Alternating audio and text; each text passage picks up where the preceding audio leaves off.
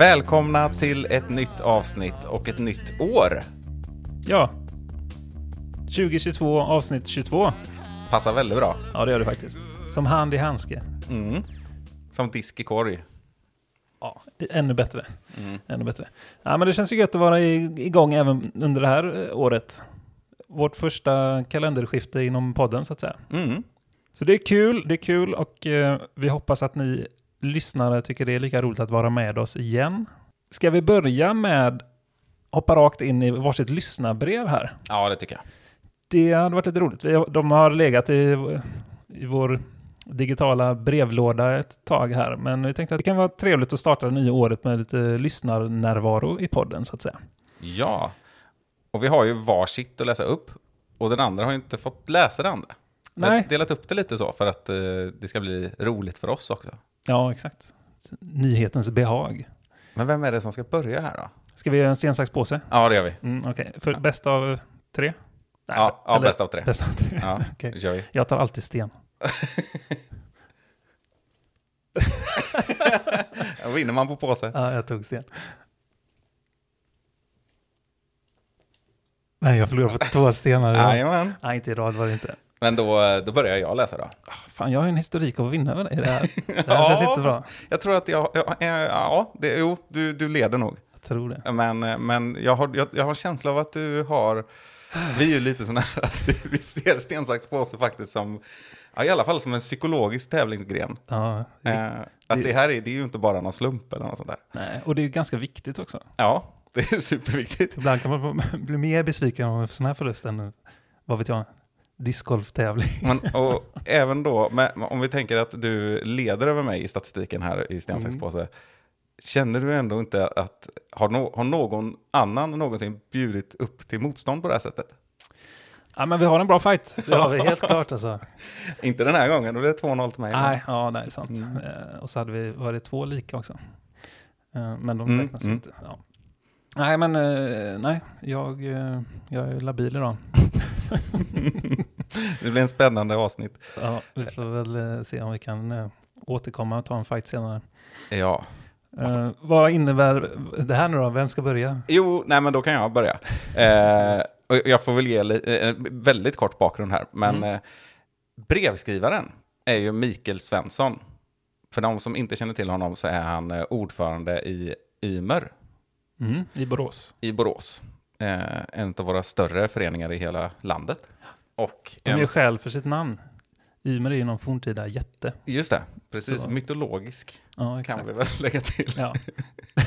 ja, det vet vi inte. nej, ja. Det sägs ju att han slängde ut någon grästorva i, i Vättern för att ta ett kliv över när han hade varit på fest i Västergötland. ja, men det låter i och för sig som något. Det är ändå rimligt, det kan hända. Och den här grästuvan blev då Visingsö, Mm. som ligger i Vättern. Ja, men vi, höll, vi håller lite öppet för spänningens skull. Ja, jag som arkeolog eh, har inte letat efter empiriskt material här och så se ifall det faktiskt finns någonting som talar för det här. Nej. Obs skämt. Ja. Eh, nej, men det är Mikael Svensson i alla fall. En fantastisk eldsjäl ska vi, ska vi säga också. För er som inte känner till det. En eh, som har dratt i många stora tävlingar och varit ordförande väldigt, väldigt länge. För den Ja, här klubben som har vuxit och banan. Han är inte ensam för sakens skull, ska vi säga det. Men en väldigt stor drivkraft bakom framgångarna ja, i Borås. och vi får också säga att han hade skrivit ett väldigt fint mejl till oss. Ja, Eh, Även om vi inte behöver gå in i detalj på just eh, de delarna. Men vi fick mycket ros om vår podd och så vidare. Och det var jättekul. Ja. Eh, Så det tackar vi för, Mikael. och han vågar också komma med förslag på förbättringar och sådär. Vi tar jättegärna emot feedback, så kör på alla. Jajamän. Eh, men han har också då en, något som han kallar för en bedrövlig anekdot. Och då har jag en bakgrundsgrej till här. Och det är, för er som inte har varit på Ymer och spelat hål 5, så får man ändå säga, för det framgår inte av själva historien här. Ah. Det är ju ett signaturhål kan man ju lugnt säga. 200 meters par 4 nerför vad som faktiskt nu är då en skidbacke kan man säga. Även om de åker upp för det, va? För Ja. det är väl längdskidbacken. Precis, SM i längdskidor hölls ju där i ja, 2021, ja, om jag minns rätt. Det blir väl då på vintern där. Så det är liksom preparerat för att vara en, en riktig Hällnerbacke, fast värre tror jag. Jag vet Ja. inte. Ja. Ja, Hällnebacken är ju väl belägen i Oslo va? ja, och det är vi väldigt glada för. Mm. Och det är ju en, en, en liten knix i jämförelse med det här vill jag påstå, Ja. innan ett upplopp. Där han spurtade förbi eh, ett par norrmän eh, och tog ett VM-guld var det väl? Mm. I sprint. Ett av de första i sprint, tror jag. Ja, det var några år sedan, 2011 tror jag. Men i alla fall, det är eh, ett hål som är värt att prata om. Ja. Men det är, det är ett häftigt och magiskt hål och det, det sticker ut även på den här väldigt fina banan. Och eh, det är 200 meter och det är nerför. Och det är sånt där att man börjar liksom känna det lite i kroppen redan när man är på hål 3 sådär och nu ska man gå till hål 4 och sen gäller det.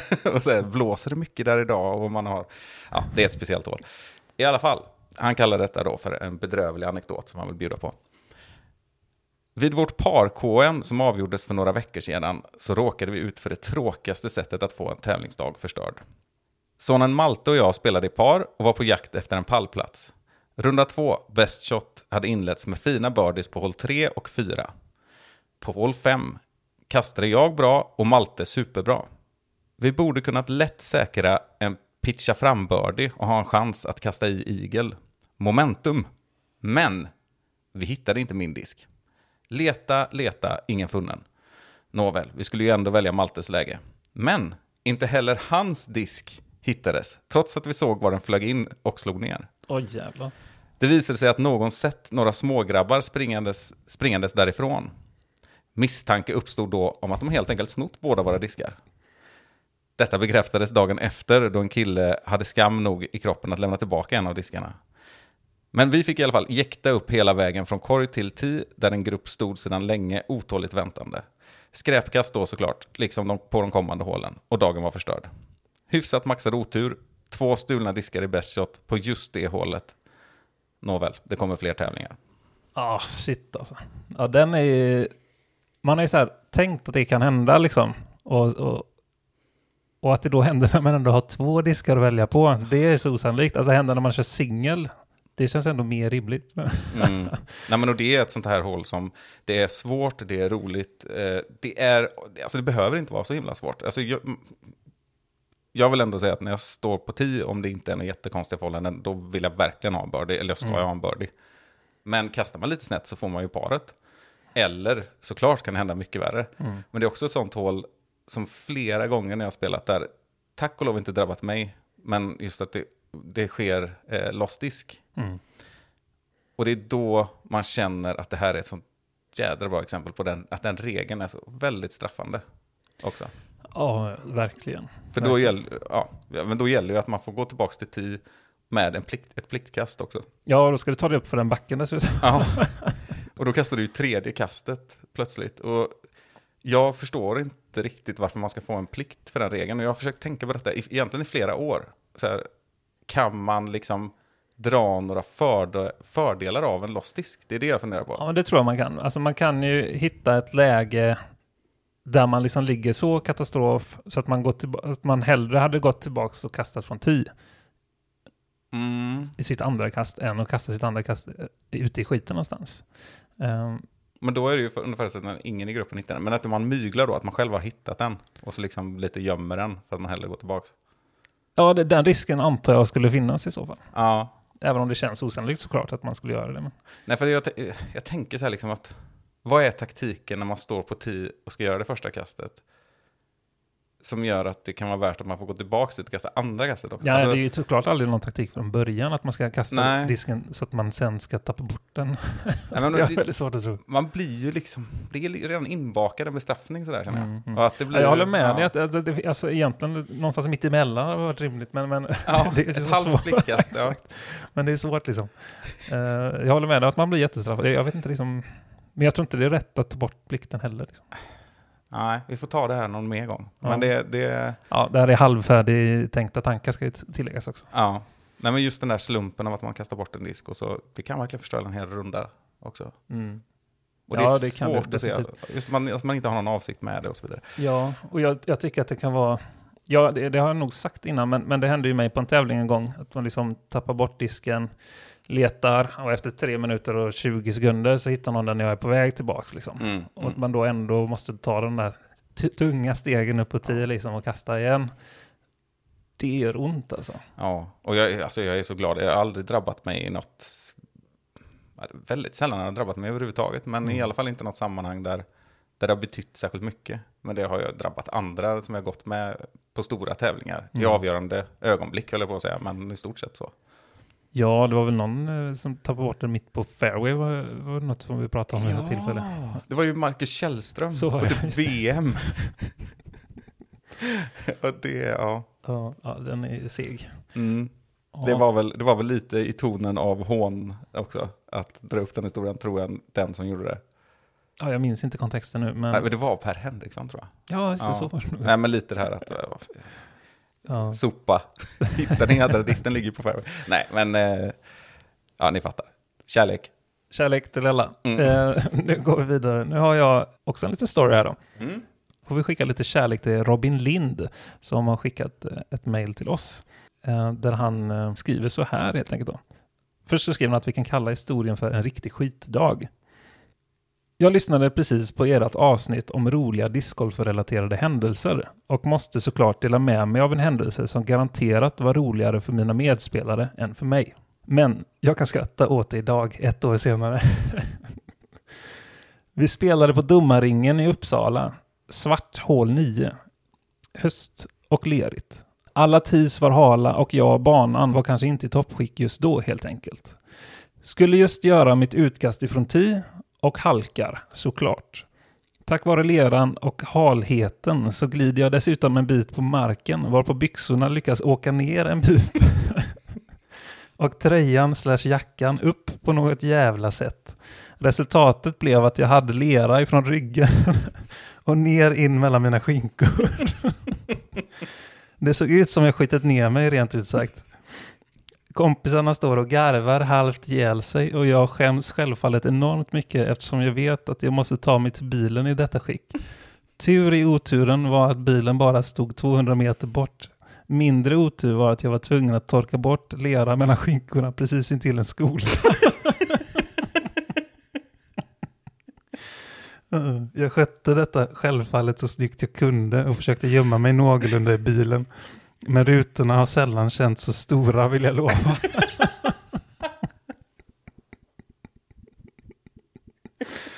Uh, Vi lider också med dig Robin, men det är också väldigt roligt. Ja, tack så jättemycket för att du delar med dig av detta. Eh, jätte, jättebra historia. Ja, en, sista, Väl berättad också. ja, tack så mycket. Eh, En, en sista wrap-up här då. Eh, Robin kan kort berätta också att det var otroligt hemskt i stunden, men jag fortsatte spela ändå faktiskt. Men gud vad skönt det var att äntra duschen hemma den dagen. Jag tror dig. Ja, så kan det gå på en runda i Uppsala. Åh, gud. Se upp för hala tis. Ja, lycka och välgång. Mm, precis. Jag tror inte vi behöver kommentera det här något mer. Nej. Vi, vi kanske raskt hoppar vidare. Vi, vi drar en liten jingel här va? Ja, det gör vi. Yes, för nu hade vi tänkt att prata lite statistik, men det blir inte så att vi, vi det blir ingen så här superdjupdyk för er som är rädda för siffror, Nej. men det blir ändå, för er som gillar siffror så blir det lagom djupdyk. Mm. djupdyk. Ja, det här tror vi är intressant. Och bara början på någonting. Ja, men Eh, precis. Och det blir lite utifrån personlig statistik också. Ja, både personlig och sen lite allmänt också och eh, primärt kopplat till 2021, men inte bara. Vi kan ta lite så här allmänna ehm, stats först som, som kommer från den eminente källan eh, Udisk som många känner till. Och där har vi till exempel en intressant statistik om att det har adderats 4825 stycken banor till Udisk under 2021. Nästan 5000 nya banor i världen. Ja. Sen kan man ju diskutera hur många av de här som är 18-hållare och så vidare. Det är Mm. ju eh, antagligen inte lika stor siffra. Men det kan vi, vi kommer lite till det senare. Mm. Sen har det också scorats ett antal rundor på, som är fördelade över 91 olika länder. Vilket är ju Mm. ganska häftigt faktiskt. Ja, det är bra. Det börjar närma sig halva jorden som, eh, som har eh, aktiva discgolfare då. Eller Mm. åtminstone discgolfbanor att spela på. Ja. Och så har vi en till intressant statistik här som är lite övergripande.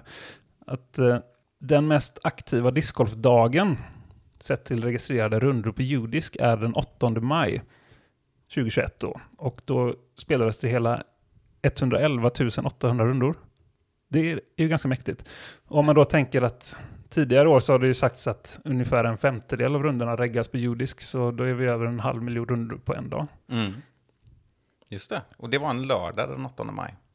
Vad gjorde du den 8 maj Simon? Spelade 500 000 rundor disco. Ja, jag frå- frågar ju så misstänksamt, vad gjorde du den 8 maj? Ja, jag minns faktiskt inte. nej, jag skulle väl nästan tro att vi var ute och kastade någonting. Det är ju statistiskt sett mest troligt. har vi fått lära oss nu. Ja, exakt. Men lite otippat att det inte är mitt i sommaren då, tycker jag. Ja, fast det är ju globalt va? Ja, absolut. Men, Kan det inte vara någon sån här brytningstid också? Nej, men om man tänker USA spelar man året runt i stort sett, förutom de norra delstaterna. Ja, Och eh, sen står, måste ju Sverige och Finland och Norge och Danmark stå för en ganska stor del av de här rundorna. ja. Jo.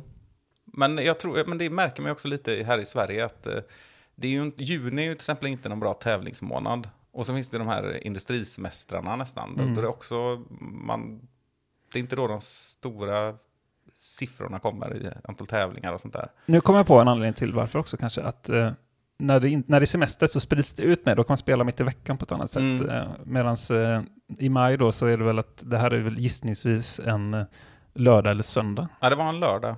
Ja. Mm. Och, nej, men och sen tror jag också att eh, i vissa delar av väldigt discgolfaktiva ställen så är det väldigt varmt i juli. Jag vet inte hur man... Ja. Jag vet, det följer ju samma cykler på norra halvklotet i alla fall, men om man tänker sig södra USA i juli är nog inte... Det finns en anledning till att de inte har större tävlingar där då väl? Nej, det, det är väl rimligt att tänka så, absolut. Men samtidigt, är du i Skellefteå eller Umeå så är det ju antagligen fortfarande ledigt i maj, i början av maj. Ja, det är nog snö. Ja, Ja. kan inte till och med vara så. Mm. Ja, vi hoppar raskt vidare till våran eh, personliga statistik och diskuterar lite kring det. Jag tänkte att det kunde vara lite roligt. Har du din redo där, Rickard? ja, absolut. Mm, Nej. bra. Ja, men det är ju så här. Vi, du har ju egentligen varit en sån här att du vill samla mycket banor. Ja, ja, men så är det. Alltså att spelat många olika banor och sådär. Framförallt de senaste två åren. Ja. Och du har kommit upp i... Jag har kommit upp i 162 banor. Mm. Och jag fick ju för mig lite under det här året att jag kanske, kanske ska försöka komma lite ikapp Simon. Mm. Eh, Så jag har spelat ganska mycket nya banor. Jag har ju också haft ett speciellt år och inte kunnat tävla riktigt på det sättet. Och det har varit covid och sånt också, men skador och det ena och det andra. Eh, Så jag har kunnat spela, men jag har inte kunnat spela bra. Mm. Jag har ju liksom aldrig fått spelstopp ordinerat eller något sånt där. Eh, och då passar ju det ganska bra också att stanna till på många ställen och göra den typen av discgolfresor också. Eh, delar av året i alla fall. Så jag har ju spelat f- 126 banor totalt enligt vad som står i judisk, och vilket Mm. bör stämma. Eh, men 55 nya banor under 2021. Och där slog jag det med två. Ja, exakt. För där hade jag ju 53 nya då. Ehm, men... Man kan också säga att jag kom inte så himla mycket ikapp. Nej. Jag tog in två banor. Just det, precis. Sen har jag spelat 78 totalt över hela året då. Eh, olika banor. Mm. Och där har jag spelat 63. Ja, så vi är ganska jämna i statsen totalt där, vilket är lite kul. Mm. Hur många rundor fick du ihop totalt under året då? Ja, det är inte så många. Det är egentligen de här 55 nya banorna. Nej, men jag hade 127 rundor registrerade och då är ju 24 av dem på korthållsbanan nära där jag bor. Liksom. Och sen är du inte riktigt lika flitig med att lägga in rundor typ från tisdagsgolfen och sådana saker som jag är kanske. Nej, det gör jag ju inte. Nej. Så att det, har väldigt mycket rundor som inte är registrerade. Alla tävlingsrundor egentligen. Mm. Och, och jag menar, den banan som kom på tredje plats över min personliga statistik, över banan jag spelat flest gånger, hade jag ju spelat fem varv på. Ja, just det. Ja, Det är dit kommer vi ju alldeles strax. Ja. Jag hade hur som helst 231 spelade rundor, vilket är faktiskt lite färre än förra året. Mm. Men ungefär i samma ballpark, vad säger man? Mm. Eh, Härad. samma postnummer. Ja, exakt. Ja, så det är liknande i alla fall. Ehm, men du nämnde det här med, med eh, toppbanor eh, sett till antalet rundor du har spelat på dem. Då. Jag kan väl dra mina fem lite snabbt. Mm. Min första är Restagård, 49 rundor. Hemmabanan. Exakt. Och sen Skräckland, 23 rundor. Ja, det var ändå lika många som mig då. Ja, mer än eh, tidigare år. Ehm, det är också hemmabana, det är Vänersborg. Och sen Stenungsund, semi-hemmabana, 14 rundor. Mösseberg, också semi-hemmabana Mm. nästan, 11 rundor. Sen är det faktiskt Ale Gul där på femte plats med sju rundor. Den eh, levde ju fram till slutet av mars. Mm. Ehm, så så ser det ut. Men vilka hade du då? Ja, men jag hade en ganska sorglig och intetsägande lista kan man säga. Jag hade Skräckland också då, korthållsbanan på hemmaplan, 24 rundor, Restagård, 14 rundor. Men där kan man lägga till 20 säkert. Eh, Ja, ja minst. Jag, Mm. hade bara, jag var ju med 22 gånger på vår veckotävling Ja, på. Restagård. Liksom. Mm. Eh, och sen hade jag delad tredje plats mellan Stenungsund också faktiskt. Mm. Och, och Konopiste. Ja, Alltså. det är ändå lite kaxigt att dra in den. Ja, men det var ju bara fem rundor per varje då. Ehm, och sen hade jag också Falköping, Mösseberg på, med bara tre rundor. Och där har jag ju spelat fler rundor. Jag spelade ju tre rundor på NT bara. Ja, Eh, så ja, den är ganska intetsägande min, min lista skulle jag säga. ja. Väldigt många banor som jag spelat i år, bara ett varv. Ja, precis. Så jag tänkte vi kanske skulle hoppa in där nu när vi ändå pratar om banor. Ja, för det finns ju det man märker när man åker ran, Är randet runt? ja, randet lunt? eh, Jag ber om ursäkt. la, land och rike runt. Mm. Det är ju att eh, det är väldigt många banor man stannar till på som man aldrig mer vill besöka igen egentligen. Så kan man väl uttrycka det lite grann lakoniskt. Ja, lite, lite, tyvärr är det ju lite så att eh, vi har varit inne på det tidigare. Ni får inte bli för arga på oss om ni tycker vi tjatar, men vi tycker det är viktigt också att peka på det här att standarden är för låg på många ställen. Ja. Och eh, vi har diskuterat här, är det verkligen så att hellre en bana som ma- man blir ledsen av än ingen bana alls? Mm. Det är väl eh, en diskussionsfråga. Ja, och det har ju med allt att göra. Tior har vi pratat om och sånt där också. Men eh, håldesign, obefintlig design. Eh, ja, ibland är det ju till och med helt oanvändbara korgar till och med. Eh, Och sådär. Ja, Men och ibland är det jättefina korgar som bara är utslängda någonstans, så tänker man, jaha, det här var ju kapitalförstöring. Ja, ja men verkligen. Och eh, men det som slår mig är just det du säger, att det finns någon sorts anda i att ja, men det är väl kul att det blev något. Så här, Mm. Ja, jag vet, ibland tycker jag nästan att det förstör för sporten, ärligt talat. Att det blir, ger fel bild av vad det här är för en typ av sport. Det finns ingen utvecklingspotential. Det finns liksom ingen tanke framåt hur man kan ta det vidare och sådär. Då, det får vi ju inga, vi får inga ungdomar in i sporten på det. vi Nej, får inte precis. några nya spelare som, om det ändå är sen 15 mil åka till någon annan bana, då är det hur många promille är det som tar det steget? Jag tror inte att det är någon. Och jag, Nej, man får också den här, ganska många människor som säger, jaha, spelar du discgolf? Ja, det har jag provat en gång. Och så säger de vart de har varit. Nej, du har inte provat discgolf. Nej, Du har precis. kastat en, någon typ av frisbee på ett slumpmässigt ställe. Ja, ja, men precis. Och det är det som är så sorgligt. För att det de här, många av de här banorna som vi pratar om, de ligger också vid just skolor Mm. eller vid kanske någon typ av idrottsanläggning i övrigt eller, eh, eller i, som du säger, ensambanor i ett samhälle med ganska långt till närmsta riktiga bana inom citationstecken. Då. Mm. Och det är ju problematiskt på många sätt. Framför Ja. det du säger där att, att, att då tror de, jag säger de helt Mm. enkelt, att, att det är att det är det som är discgolf liksom. Och så, och så tänker de att eh, det är en dålig sport. Ja, liksom- eller oseriöst. Ja. Och, och egentligen så har de inte testat den alls heller. Det finns någon sorts övertro i att det blir väldigt nybörjarvänligt om man har 21 meters hål. Det är, det är inte ens ett discgolfhål. Ja, visst, alltså, det, alltså jag menar, har du en sexhålsbana med 25 meters hål, en någorlunda atletisk sjuåring tröttnar ju på en vecka om den blir hookad. Alltså det går inte, det går inte att spela det. Och sen är det stora problemet då, det som får mig att, bli, att känna att det är lite sorgligt, det har egentligen att göra med Ja men om det nu är så här, men det är kul och bra att liksom starta på och första testa och sådär. Ja men vart ska de ta vägen då? Vi har ju ingenstans att skicka dem. Alltså det, vi, vi har väldigt få ställen att skicka dem. Det är det som blir sorgligt när man bryter ner statistiken här också på hur många banor vi har i Sverige. För vi har ju kollat på det och ska komma in på det nu. Men alltså det finns ju inte det här, vad är det vi slussar in till? Det är knappt någon ungdomsverksamhet, vilket mest tror jag är brist på ungdomar också. Men det finns inte heller banor eller liksom den typen, alltså på väldigt många ställen är det så att det enda som finns är de här sorgliga banorna där man stannar till och känner bara, är det här springer jag igenom nu och så åker jag och glömmer bort det här stället. Eh, och det är 20 mil till nästa vettiga bana med mer än tre korgar. Så det måste man ju få vädra att det är lite sorgligt och lite oroväckande faktiskt. Och där tänker ju i alla fall jag att vi får komma vidare till det och ta det i ett annat avsnitt och prata mer seriöst om det.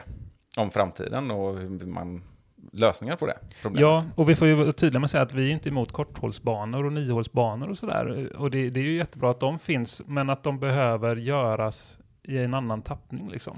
Ja, eh, och, och, men också, ja precis, nej för det, det är ju absolut inte så att eh, alltså, vid en skola ska det finnas eh, 18 hål eller 120 meters hål. Det är Nej. inte det som är poängen. Eh, men standarden, dåligt genomtänkt och ingenting att gå vidare med inom en rimlig närhet. Då, då kan jag känna, nej men skit i att bygga den och vänta tills ni kan bygga något hyfsat ordentligt i så fall. Och ta det först. För jag tror på många ställen så tror jag att man kanske borde tänka stor bana först. Och det är, faktiskt ganska kont- kontroversiellt att säga tror jag i discgolf-Sverige. Men att det är så här, ja men vi börjar med några och nio lätta hål så här. Ja, jag tror inte alltid det är rätt. Nej, alltså det är en sak om- om, man liksom har en markägare eller kommun eller någonting som säger att nej, men vi får, vi får starta smått för att sen eh, trappa upp det om vi, om vi märker att det, att det finns intresse för det. Mm. Det är en sak. Men att utgå från det, eller ha det som utgångspunkt från början, innan en typ av förhandling då, Mm. det känns, det känns inte helt rätt. I alla fall inte i 100% av fallen. Nej, och ofta uttrycks det lite grann utan att man har en plan för att utveckla det vidare. Och ofta så bygger man ju hål som inte går att göra längre, till exempel. Nej. Eller svårare, eller går att ändra så himla mycket. Och då har man ju fortfarande det här 18-hålsprojektet kvar. Alltså det går ju inte att bedriva en verksamhet. Det är ju som att man, en tro på att ja, men, de första tio åren, vi vill, vi vill ha en division, eh, eller en superettan-klubb i den här stan, eh, i fotboll. Eh, ja men vi bygger tio stycken multiplaner som är handbollsplan stora. Eh, så, fixat. Alltså du kan inte ha verksamhet för det. Du kan inte ha folk som på under flera års tid utvecklas till det som krävs för att hålla på med den här sporten. Då får de åka någon annanstans. Alltså det är lite det tänket. Lite för länge och utan en plan. Mm. Så känner jag. För att det vi saknar i det här landet, som vi ska komma in på, det är ju faktiskt stora tävlingsbanor. Ja. Och det blir nästan, jag vill nästan hävda att det har gått bakåt i några år nu. Ja, i alla fall den absoluta toppen. Ja. Så är det ju. Och det har vi varit inne på tidigare. Men, men eh, vi kommer att eh, visualisera, är fel att säga när man, i en podcast, men vi, vi kommer att presentera åtminstone lite eh, statistik som, som pekar åt det här hållet också. Men det gör vi så. Vi har, vi har gjort en liten koll här utifrån banor i judisk då. För att se hur det ser ut i Sverige. Och i det här landet så finns det 669 registrerade banor. Mm. Vilket låter ju väldigt, väldigt mycket. Och Ja. jättebra. Och det är också en tillväxt som är väldigt imponerande. För det- här tror jag var 400 banor för två år sedan eller någonting. Mm. Bara utifrån minnet. Ehm, av de 669 då så är det 168 banor som är 18-hålsbanor. Mm. Fortfarande jättebra. Mycket banor. På, Men ändå rätt stor skillnad. ja, absolut. Många korthålsbanor och sådär. Men har vi ändå 168 18-hålsbanor så är det väl det. Tycker jag låter bra. Så. Mm. Ja, s- sen har vi då 338 banor som är minst 9 hål. Men inte 18 hål. Så någonstans mellan 9 och 17 hål kan vi säga. Mm. Men oftast är det väl 9, 10, 12. Någon 14 hålsbana jag spelat och sådär också. Eh, så det är ju ungefär ganska precis hälften. Mm. Och 163 stycken då är färre än 9 hål, alltså flest, som mest 8 hål. Och då Ja, brukar de vara typ 3, 5, 6. Mm, många sexhålsbanor. Något i den stilen. Men jag har spelat tvåhålsbanor också. Ja. Eh, men det är ju ungefär lika många som det finns 18-hålsbanor då, som har färre än 9 hål. Mm. Eh, det man kan säga är väl att det här med 669 banor, det ska vi nog ta med en nypa salt va? Ja, men exakt. Om någon liksom... Avery Jenkins ringer mig och frågar du hur många banor har ni i Sverige? Och så, då känns det nästan som att ljuga och säga att det finns eh, närmare 700 banor. För det är ju inte riktigt så. Jag tycker att många av de här inte kan klassas som banor. Liksom. Nej. Nej, det är det stora problemet. Att det, är så, det finns ju ingen ribba eh, i judisk alls. Jag vet inte vem man ska gnälla på för det här, men det finns ju inga krav på vad som ska räknas som en bana. Nej, det behöver inte finnas TIS, det behöver inte finnas korgar ens en gång. Vi har sett sådana objektbanor som poppar upp här och där. Och eh, det, finns, det kan finnas en eh, halvtrasig korg på en lekplats. Mm. Och så räknas det som en bana. Och det kan ju man tycka är lite fel. Mm. Och, och det, men samtidigt så här, det finns ett argument för att de ska finnas med i judisk. Typ, ja men här kan man öva puttar eller någonting sånt liksom. Inte om det, inte, inte object, object course, men ni fattar. Men då skulle det finnas en sån separat symbol för det, typ, som man liksom kan sortera bort, kan jag tycka. Att det här kan väl räknas som ett då träningsområde för discgolf eller någonting sånt möjligtvis. Mm. Eller bara en träningskorg. Eller något i den stilen. Ja, och det, jag har ju varit på flera banor och det är som du säger, en, en jättegammal sliten korg. En korg. Och så har någon ritat in då tre sätt att ta sig till den. Alltså tre tänkta utkastplatser. Mm. Där det såklart inte finns ens några markeringar. Och det är ofta över en skateboardramp. Ja. Och det är oftast kort och det är inga hinder och det är ingen design. Utan det är bara... På ett ställe var det ju en grusplan, en liten fotbollsgrusplan. Och så fanns det en sån gammal skruttig korg. Och så skulle man ställa sig i tre olika hörn på den här grusplanen och kasta till korgen. Ungefär samma avstånd, helt öppet. Alltså, det är ju inte, det är inte en discgolfbana. Nej, det, det kan man ju inte säga faktiskt. Nej, men det är verkligen så att, att den här standarden är, den är för låg. Helt, helt enkelt är det så, tycker, tycker vi båda. Men om vi ska gå in bara och pinpointa de här banorna som vi tycker är med relativt hög kvalitet. Om vi då söker på de som har fyra eller, eh, eller mer i betyg på judisk så får vi upp 66 stycken 18-årsbanor. Men där kan man räkna bort 11 stycken som är sådana här privata eller avstängda banor eller sådär liksom som, ehm, som, som, inte, som inte klassas där. Och då landar vi på 55 banor. Så det är kanske det man ska säga om Avery Jenkins ringer. Vi har 55 banor i Sverige.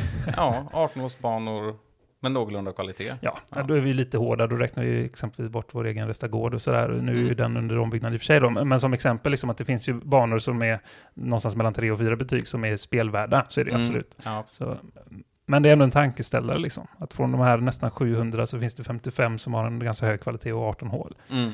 Och det är, det är lite, det är två helt olika siffror. Ja, och börjar man tänka på det då ur, ur ett eh, annat perspektiv, om man tänker på banor som skulle kunna ha större tävlingar, då får man kapa rätt mycket på den listan också. Mm. Jag, min högst personliga åsikt, som inte, ja, det är väl ganska objektiva krav på den listan i och för sig, men jag skulle säga att det kanske är runt 10 banor plus minus några stycken.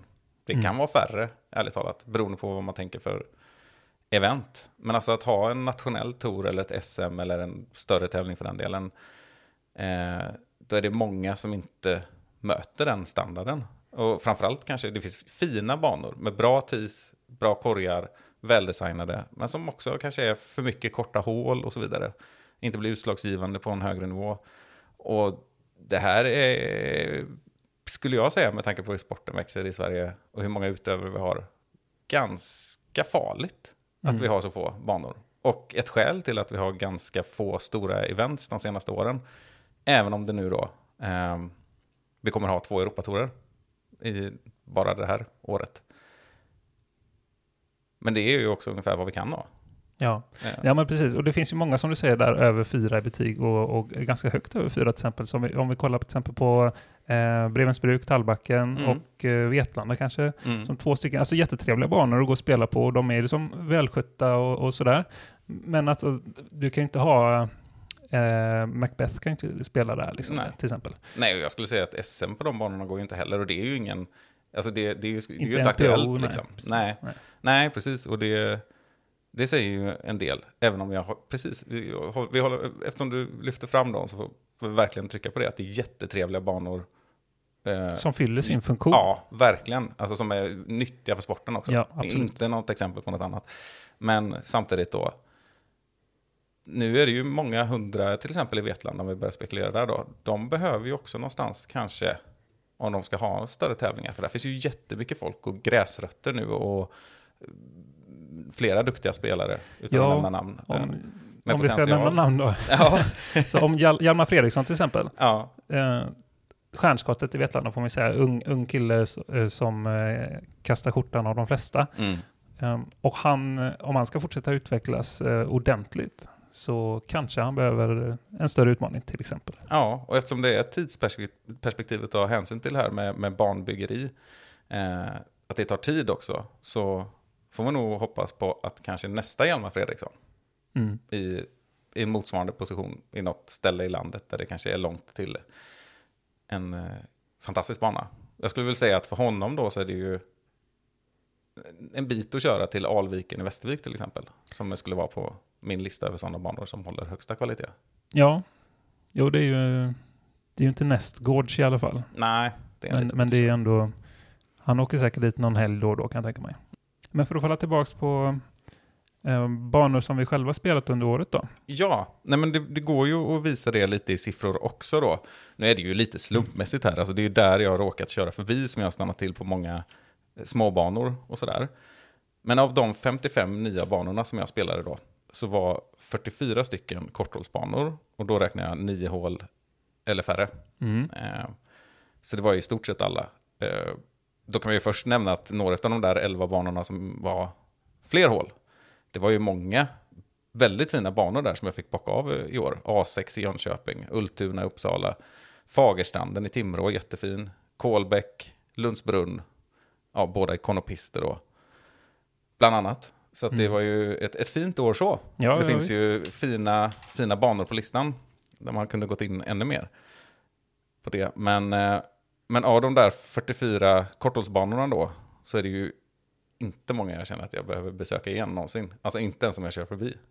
Så, så här, knappt värt en bensträckare. Och några som man faktiskt vill förtränga verkligen. Mm. Ehm, och det finns ett exempel här, för i den här statistiken, då, den personliga statistiken i Judisk, så eh, hade de ju också räknat ut vilken som var min bästa runda i år. Ja, just det. Eh, och det var en runda utanför Alingsås på Stora Östad, heter den banan. Ja. Eller Sankt Östad, men jag tror att det ska vara Stora. Det är förkortat ST, men det kan ju vara lite både och. där. Ja, ja, ja. Pick and choose. Ja. Eh, jag vet inte vem som ligger bakom denna banan och det är ingen idé att, att skälla på någon där. Den har funnits ganska länge tror jag. Och så. Men det är en niohålsbana. Och jag gick minus 13. Och Mm. det var en, ingen bra dag. jag, jag spelade inte bra eh, eller något sånt. Så där kan man ju till att börja med kanske fundera över parsättningen. Ja, du hade något exempel där med att det var någon så här 60 meter på fem eller vad det ja, precis. Jag gjorde ju en albatross va? Mitt Mm. livs första. Men glädjen är väl inte så enorm. Du sprang inte upp för något träd liksom, som Nicolo Castro. Nej, precis. Jag kastade inte kepsen så mycket och sådär. Nej, det var 69 meter par femma. Eh, nej, och det var inga särskilda grejer som gjorde Den var ganska svår att göra tvåa på. Jag, jag gjorde ett ganska bra kast tror jag. Men det var liksom en slänt och, och 69 meter. Man, korgen gömd. Jag fick kasta en backhand Anheuser som högerhänt. Fick väl inte, det var svårt att få runt den hela vägen, så jag fick väl en 15 meters putt inne bland några hus för övrigt. Någon sån Ja, där okej. gård liksom. Ja. Det var någon hästgård de här ligger vid. Det är bara det är ju inte så himla kul när man ligger 15 meter från korg på utkastet på en par femma. Och så ligger man bland hus liksom. och så satte jag väl en 15 meter då. Men den går ju att göra en tvåa på. Men det var Mm. ingen superlätt. Men det var ju inte par femma. Eh, Nej, Alltså inte för någon menar jag. nej, jag, Nej. jag förstår. Och det här är ju jättelöjligt att gå in på parsättning hit och dit, för det spelar ju ingen roll och det är resultatet som... Men ändå, kom igen. jag, jag, jag hade fyra eagles och en albatross liksom, och går minus 13 på nio hål. Och spelar inte bra. liksom. Ja, precis. Det, det blir liksom menlöst. För det har inte att göra med att jag är en superspelare och särskilt inte den dagen. Eh, Nej, jag brukar säga att det är roligt att spela banor där man blir glad för en birdie liksom. ja, men så tänker jag också. Och jag förstår att man kan tänka annorlunda såklart. Mm. Men det blir nästan svårt att räkna skåren ärligt talat. Mm. Och begripa den. Och det måste ju vara en funktion som parsättning har. Liksom. Ja. Ja, nej, nej, det är lite märkligt. Och det, och det finns några sådana eh, exempel på, på eh, banor där man inte har tänkt hela vägen sådär kanske. Men, eh, men på tal om, eh, ska jag dra mina banor, som jag, de här som jag har bockat av för första gången i år som har varit trevliga överraskningar också då kanske? Ja, och så kan vi gå in, vi har säkert någon gemensam där. Kanske. Ja, men precis. Och då har jag, jag har tre stycken banor som inte är 18-hålare faktiskt. Eh, två 12-hålare och en 10-hålare. Och, och då tänkte jag nämna två stycken i Östergötland. Dels Östra Ryd utanför Norrköping. Det har vi nämnt lite kort i podden. En 12-hålsbana som Simon Östling har jobbat hårt med, med flera, men det är ju framförallt han som har drivande. Och den är ju, det är liksom sån där, när man vill göra det bra från grunden liksom. Det är ett typexempel på, på där man liksom lägger ribban på ett sätt som, som är eh, vettigt liksom. Man har ordentliga tior, bra från grunden, det finns tanke med hålen och så vidare då. Um, sen behöver den som många andra också spelas in liksom och sådär, men jättebra. Och, och det har jag förstått att det förhoppningsvis kommer utvecklas och bli eh, fler hål troligen framöver och sådär. Um, så kanonjobb där Simon. Och det kan man säga att det är, det är unisont för de här tre stycken banorna, att alla är liksom lite under utveckling. Den andra banan är Grebo, den har också vi pratat om innan. Med Josef Lövstrand i spetsen och även Magnus Sköld tror jag är, är med på ett hörn där om jag har förstått det rätt. Och det är en tiohålare utanför Linköping som också är så här trevlig, gott tänkt, de allra flesta hålen i alla fall. Och den är också en sån där de, de, de utvecklar det eh, successivt och de har aktiv förening och så vidare. Så det är jättekul att se. Och den tredje av de här eh, eh banorna är Hjortgården utanför Alingsås där jag var. Det var, jag har faktiskt inte varit där innan. Och där fanns ju en hel del hål som var riktigt kul att spela. Eh, och där, du hade något eh, info om att den också skulle utvecklas lite. Ja, precis. Och den verkar ju redan ha gjort det också när vi pratade lite innan här. För Mm. jag var ju där alltså förra vintern, kanske hösten 2020 då, eller någonting sånt där. Jag minns inte riktigt. Och, och spelade en tävling. Eh, och jag sa ju till dig att ja, på det hålet var det, ja, det var så, det regnade ju och det var så blött och så är det ju ingen tio, det var mer eller mindre en lerplätt liksom. Så det var ju svårt den dagen. Och då sa du, men där var det en tio. Och då har det nog hänt saker Ja, bara redan där. Men jag har förstått det som att den ska bli kanske till och med 18 hål. det hoppas vi på. Och den har ju trevliga hål, konstaterar vi båda två. Ja, Nej, så det var en, en liksom kul bekantskap sådär. eh. Ja, och man, efter alla de här som vi har varit inne på, betat av de här banorna som inte är 18 hål som är ehm, ja, som, som inte håller så hög standard så blir man ganska glad när man dyker på sådana här banor som ändå är Mm. trevliga att spela. Så att Ja. säga. Så jag tänker det kan vara värt att nämna. Och sen är tre 18-årsbanor som jag spelar första gången i år som jag också vill eh, ge en shout-out till. Det är bland annat Lundsbrunn som du Mm. också har varit på. Ehm, Lasse Jansson som har varit nere och designat. Och visst, ett par hål som var en viss tveksamhet kring kanske, men, men i övrigt så var det jättefint och ett bra område för en bana. Mm. Ehm, Det ligger ju i närheten av Lidköping, som, men inte Lidköpings kommun, Nej, Götene. precis på andra sidan gränsen. Ehm, Nej, men det är en bana alltså, som har enorm potential på många sätt, fast inte på det vanliga sättet. För att den här är liksom väldigt väldesignad från början, Mm. men behöver, kräver det där, inte bara spelas in och trampas upp, utan ganska mycket jobb och Mm. slit. Men ja, den, är ju, den kommer ju vara suverän. Jättebra bana. Ja, men lite Vetlanda, lite den, eh, inte så här topp eh, utmanande kanske, men ändå eh, kanske lite mer utmanande än Vetlanda. Ja, men det skulle jag säga. Jag skulle säga att en riktigt bra spelare kan göra väldigt låga scorer, men mittemellanskiktet kommer inte göra minus fem lätt. Liksom. Nej. Jag, jag har gått två runder där och den ena var ganska många minus faktiskt, då, men då kände jag att jag spelade riktigt bra. Eh, och sen eh, hade jag en som jag gick eh, en del plus. Så man säger att det, det kan ju liksom svänga på en sån bana, liksom, speciellt när de är nya. Mm. Ruffen kan vara ruff liksom. Det, det kan vara 20 cm från ett bra kast och så rätt som det är så kickar du liksom åt helsike. Ja, ni vet hur det är. Eh, men man åkte dit och testade den, ni som inte gjort det. Den är ju ny som sagt. Jag åkte dit och trampa upp den Ja. och plocka undan lite kvistar från vissa fairways och sådär. Jag hade... Som inte sitter fast, ska vi tillägga. Nej, exakt, exakt, viktigt. Nej, men jag fick leta en del, men jag var där innan den ens var invigd också, till Mm. allas försvar, till världens försvar. Eh, Så jag visste ju det, men det, var, det är ändå irriterande. Men det, det handlar bara om jobb. Ja. Där all, alla förutsättningar finns där. En jätte, ja, jag tycker det är väldigt trevligt att ta den bara en timme bort. Mm. Det är en sån jag kommer att åka till och spela. Precis. Och sen var jag i Falkenberg första gången. Och den eh, var också ganska kul att köra. Sen är det, det är också en sån där eh, ganska så korta hål en, en del liksom. Men ändå, den är ju värd att spela om man har vägarna förbi, helt klart så. Den är inte särskilt ny så, men eh, för mig var den det då. Och eh, återigen en bana som är ny för mig, men inte för andra, är Brohult i Helsingborg. Mm. Den lyckades jag klippa, som jag har nämnt tidigare. Och den, eh, det känns ju bra nu när det ska vara NT där och allt möjligt. Just det. Det är ju, där har vi en utmanande bana. Mm. Och det kommer ju vara på en riktig discgolfhelg, för det är väl vid 8 maj 2022 tror jag. Just det, får vi se om det blir eh, rekord även i år. Då. ja, det är, det är nog vädret som styr. Ja.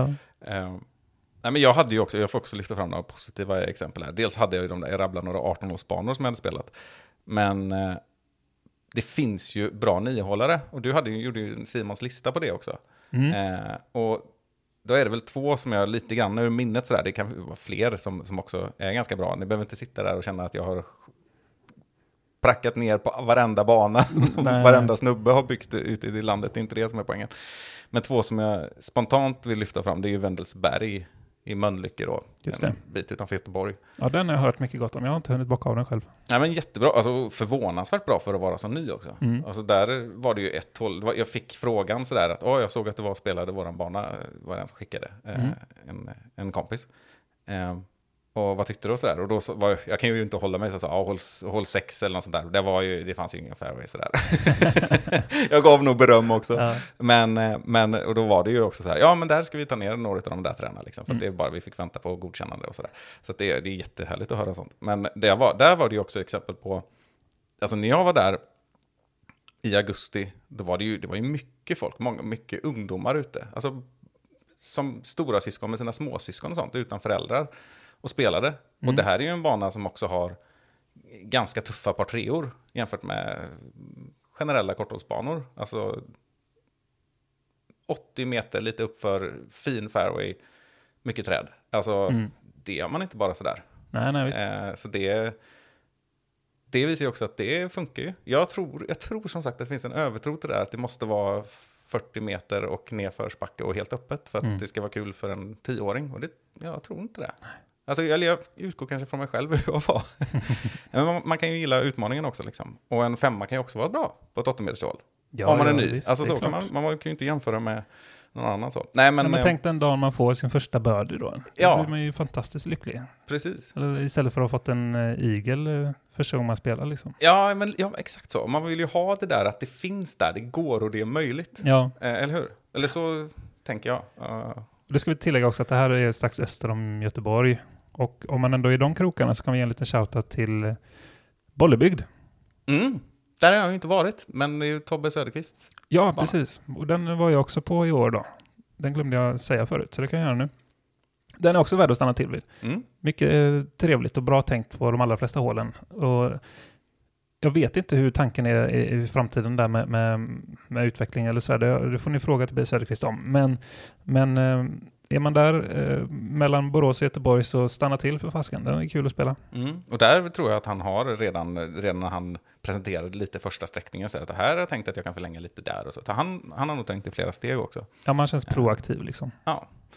Och så måste man ju inte göra det, det, får, det är ju tillåtet med korthållsbanor givetvis. Men det är, det är kul med den typen av tänk. Liksom. Mm. Det är ett ställe där det har varit en vit fläck och han bygger upp någonting nytt och en discgolfkultur. Och det är vid en skola. Ja, Mm. Ja, jag kan tänka mig att han också kan säga han som är känd för att kasta så långt också kanske Ja. är lite sådär orolig över att, att liksom designa en bana liksom som, som eh, jaha, du bara tänkt på att du ska klara den här börden liksom. ja, just det, du menar så ja. Men det vet man inte. Nej. Eh, nej, och sen den andra som jag vill lyfta fram också, det är Oskarshamn. Och den var med på din topp 5-lista om jag minns rätt. Nej, du hade ju inte varit där. Nej, det var nog efteråt eh, som jag spelade den då. Ja, Det för var den ju var ju suverän. i samband med SM, var det? Ja, Mm. Ja, ja, den var jättetrevlig.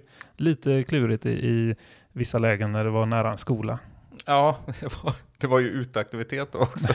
ja. Jag var ju långt inne i flocken så att Ja, säga. Men, nej, det är lugnt. ja, Så ska man aldrig tänka. Eller lite, tänk, eh, Avståndsbedömningen var ju helt... Det var ju först när vi kom fram som man bara, men jag är ju mitt mellan skolklasserna. ja, Helt otroligt. ja, lurigt, man får tankeställare ibland. Det där, det där. Ja. Så hellre gå fram en gång extra och säg till eller, eller hoppa över det hålet. Ja, det gick bra. Ja, jo, det ska. Ingen skadades. Det kan vara värt att nämna. En dug. En dog. Eh, Ni som tar eh, referensen, ni, ni tar den. ja, skicka in till oss. Ja, precis. Nej, men eh, vi får väl, vi kan ju avsluta detta med... Ett fyrfaldigt leve. ja, exakt. Nej, men min tanke är i alla fall att det här är ju någonting vi skulle kunna dyka ner lite i vid senare tillfälle, på mer i, på djupet liksom, och, och prata med olika representanter för olika håll, alltså barndesigners eller förbund och allt vad det kan vara, hur man tänker, alltså hur man skulle kunna göra i framtiden. Mm. Jag kan ju väcka några, ställa några frågor här nu som är lite sådana jag skulle vilja ha svar på. Men det är just det här, alltså den lilla oron som finns i mig just över att eh, det utvecklas för mycket, eller det utvecklas egentligen för få eh, högklassiga banor. Det finns väldigt få sådana projekt. Nästan så att man de senaste åren kan fundera på om vi ens lyckas ersätta de fina banorna som försvinner av olika skäl. Det Mm. tror jag inte att vi har lyckats göra. Och jag har lite svårt att se de här projekten som finns, att det är, alltså vi går lite back faktiskt Ja. på den fronten. Och det är bra att du nämner det, för jag tänker också att det är en grej som vi också ska ta upp i ett senare avsnitt. Just gå igenom de här nedläggningarna som Mm. pågår. För de är skrämmande många när man tänker efter. Men som sagt, det blir en liten cliffhanger till ett senare avsnitt. Och sen en annan faktor eh, som också kan vara värt att ta upp, eller en frågeställning på något sätt, det är det här, alltså det är ju komplicerat att bygga en bana och alla som har, har hållit på med det, alltså man får ha antingen med kommun att göra eller privata arrenderande av mark och sådär, det här är inte lätt. Jag, det, jag har full förståelse för detta och det är ingen kritik mot liksom oss som kollektiv i Discgolf-Sverige på det sättet, utan det är komplicerat, men det är värt att peka på det. Men kan vi hitta andra sätt kanske? Alltså, är det privata banor, som Ale till exempel var, är det en väg framåt? Det kräver ju såklart att det kanske är någon som har väldigt massa pengar eller liknande, att man, det är en stor investering. Men en, en tanke som jag, ett frö som jag vill så här är, vi har ju ganska mycket stora föreningar nu, som har börjat få ganska mycket intäkter. Och både du och jag har ju råkat på sådana personer som är föreningsaktiva, utan att nämna vilka föreningar det är och sådär. Men där det är lite känslan så här att vad ska vi göra med alla pengarna? Vi får aldrig igång det där barnprojektet. Och de läggs lite på hög, man börjar få en klubbkassa som går över halv miljon kronor och så vidare. Och vi är ju bara i början av den här boomen. Eh, vi kommer ha ganska rika föreningar. Eh, kan inte föreningar bli markägare? Jag menar, hur många hundratusen behöver du ha på kontot för att få ett banklån och köpa en fastighet? Ja, inte jättemycket ändå, eh, beroende på fastighet såklart, men, eh, och eh, vad man har för typ av inkomst. Men det är, är du inne på någonting här som är jätteviktigt tror jag, att, att, att man inte glömmer bort den tanken och se vad det finns för möjlighet åt- åtminstone. Och sen kan man också se att med mer pengar kommer antagligen mer förhandlingsläge även när det kommer till att arrendera. Mm. Om man vill fortsätta med det, att man kanske kan få ett längre arrendeavtal eh, och betala mer per år då, Mm. eller månader vad det nu är. Så glöm inte av det. Det är många banor som, som hankar runt där ute med ettårsavtal. Liksom. Mm. Och då vet de inte... Då kan man ju förstå själv också hur motiverande det är att utveckla en bana om man inte vet att man ska ha kvar den om tre månader. Liksom. Nej, och det går ju inte. Och det går inte heller att, att söka olika stöd om man inte har ett visst antal års eh, nyttjanderättsavtal och sådär. Eh, och där tror jag också att vi har en väldigt stor oanvänd potential kan man väl säga i just att söka de här stöden från riksdagsförbund, SISU, lokala ställen. Det, det är ganska mycket som kommer från till exempel sparbanksfonder och, och allmänna arvsfond och sånt som man ser. Men jag tror att ändå att vi kan göra det mer. Men då krävs det de här säkra förutsättningarna som vi kanske inte har. Men alltså på några års sikt så kommer vi ju som sagt ha stora föreningar. Vi kommer ha stora föreningar med rika klubbkassor men dåliga ställen att ha verksamheten på. Ja, och, och alltså om, när man är inne på det här med bidrag och sådär. Om man pratar vet jag, nya korgar och nya tior, 150-200 000 på sin höjd. Det är inte mycket för den typen av bidrag. Och för den, om man för den delen har någon typ av samarbete med någon kommun som vill gå in och stötta. Mm. Det är liksom en piss i havet för de flesta av de här. Mm. Nej, och sen vet jag inte, jag är ju ingen expert på eh, den ekonomin om man skulle prata, vi skulle, alltså en förening skulle ju säkert behöva eh, bolagiseras och sånt där för att Mm. kunna köpa mark och vad det nu kan vara och, och ha såklart någon sorts affärsmodell eller vad liknande. Så Ja, det kan det- vara Det är inte där. oproblematiskt på det sättet, Nej. men det, det finns ju säkerligen möjligheter. Ja, men just tanken där att man har ett bankkonto med mycket pengar, man har en insats, man har, alltså, kan ju säkert betala halva marken om man har en miljon. Jag vet Mm. inte, det beror på vart det ligger. Men också att man har ju någon sorts säkerhet, man är inte en person vars anställningstrygghet ska granskas, utan man har kanske flera hundra personer som är involverade i detta då, på något sätt, och som är inkomstbringande genom medlemsavgifter och allt vad det kan vara. Eh, det finns någonting där. Kanske får vi ringa upp någon som jobbar på bank.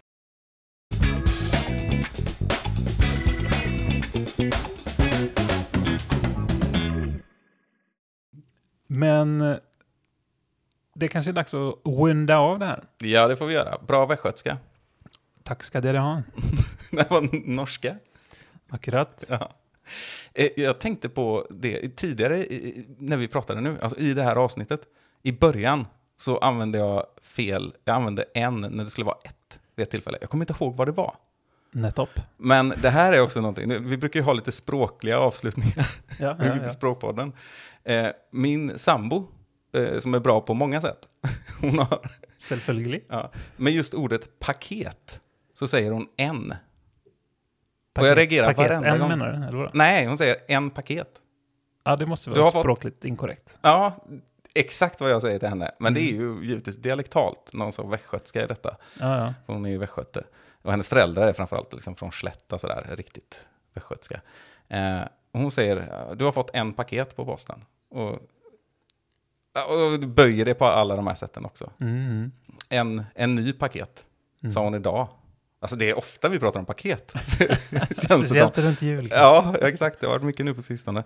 Men det, ja, det var bara en, något jag behövde vädra. Ja, ja, ja. Så terapeutiskt för att det, det kryper i mig ofta där hemma. Skärpning Erika. Nej men det är ju givetvis, det finns ju förklaring till det liksom. Det är inte bara hon som har hela, hela hennes familj håller på så här. Ja, alltså det där är en oändlig historia som man kan rabbla fram och tillbaka. Så att, eh, heter det plättar, heter det pannkakor, heter det ostkrokar, heter det ostbågar? Ja, ja, ja. Och där är det ju... Där finns det ju rätta svar, men vi behöver inte säga det här.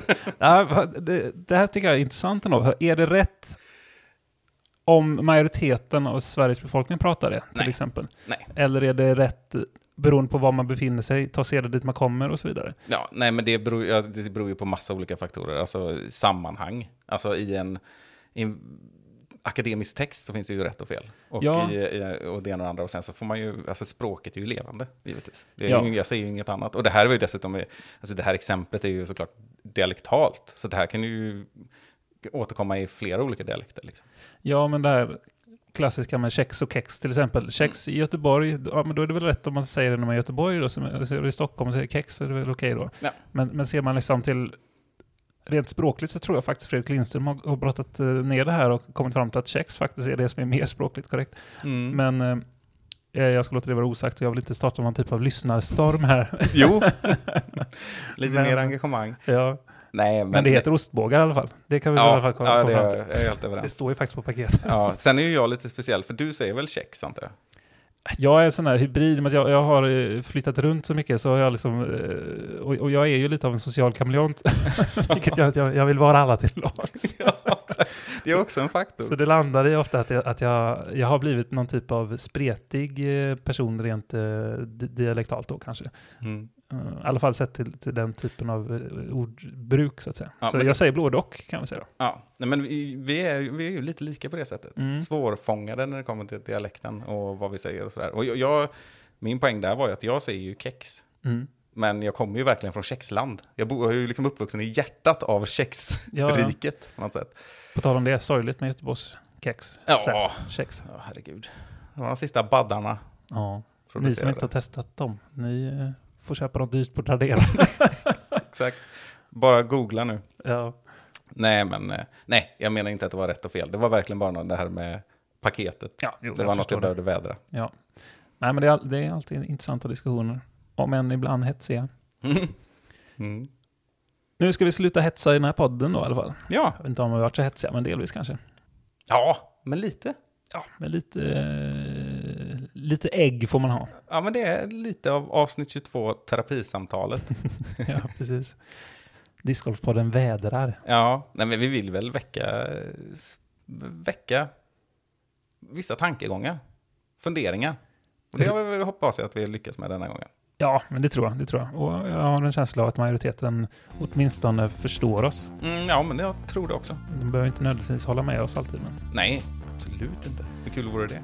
Ja, det är ganska tråkigt. Ja. Någon typ av friktion får man väl ha. Men vi tackar för denna gången och så får vi se vad avsnitt 23 handlar om. Ja, to be decided.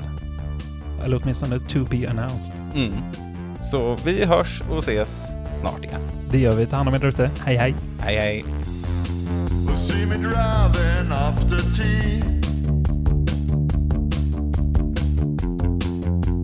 Weather's looking good. I got a disc bag full of tricks. Yeah, I got them spinning. I'm listening to music you can't hear. I got my magic plastic in the air.